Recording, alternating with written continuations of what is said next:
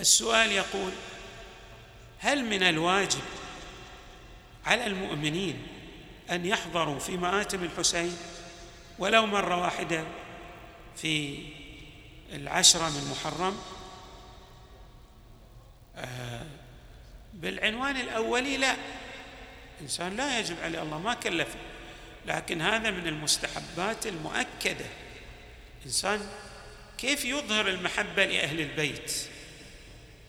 المحبة يعني لها سمات وعلائم.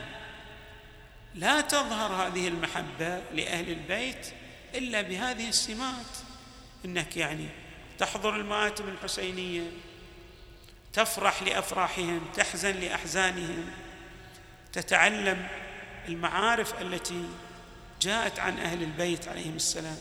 وهذا لا يتأتى إلا بحضور المساجد والحسينيات والاستماع إلى المحاضرات التي توضح الولايه لأهل البيت والأمور العقدية التي ترتبط بعقيدة الإنسان.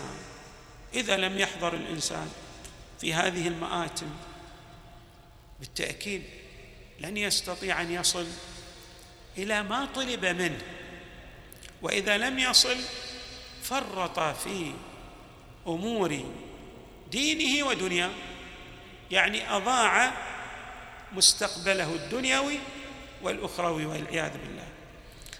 فبعنوان أولي قد لا يجب الحضور ولكن بعنوان ثانوي كما إذا ترتب على ذلك أن الإنسان لا يستطيع أن يفهم ما يتعلق بأمور دينه ودنياه.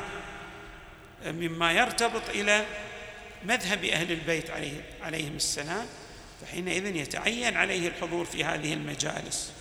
اضافه إلى وجود أوامر من أهل البيت عليهم السلام بإحياء أمرهم بحضور هذه المجالس.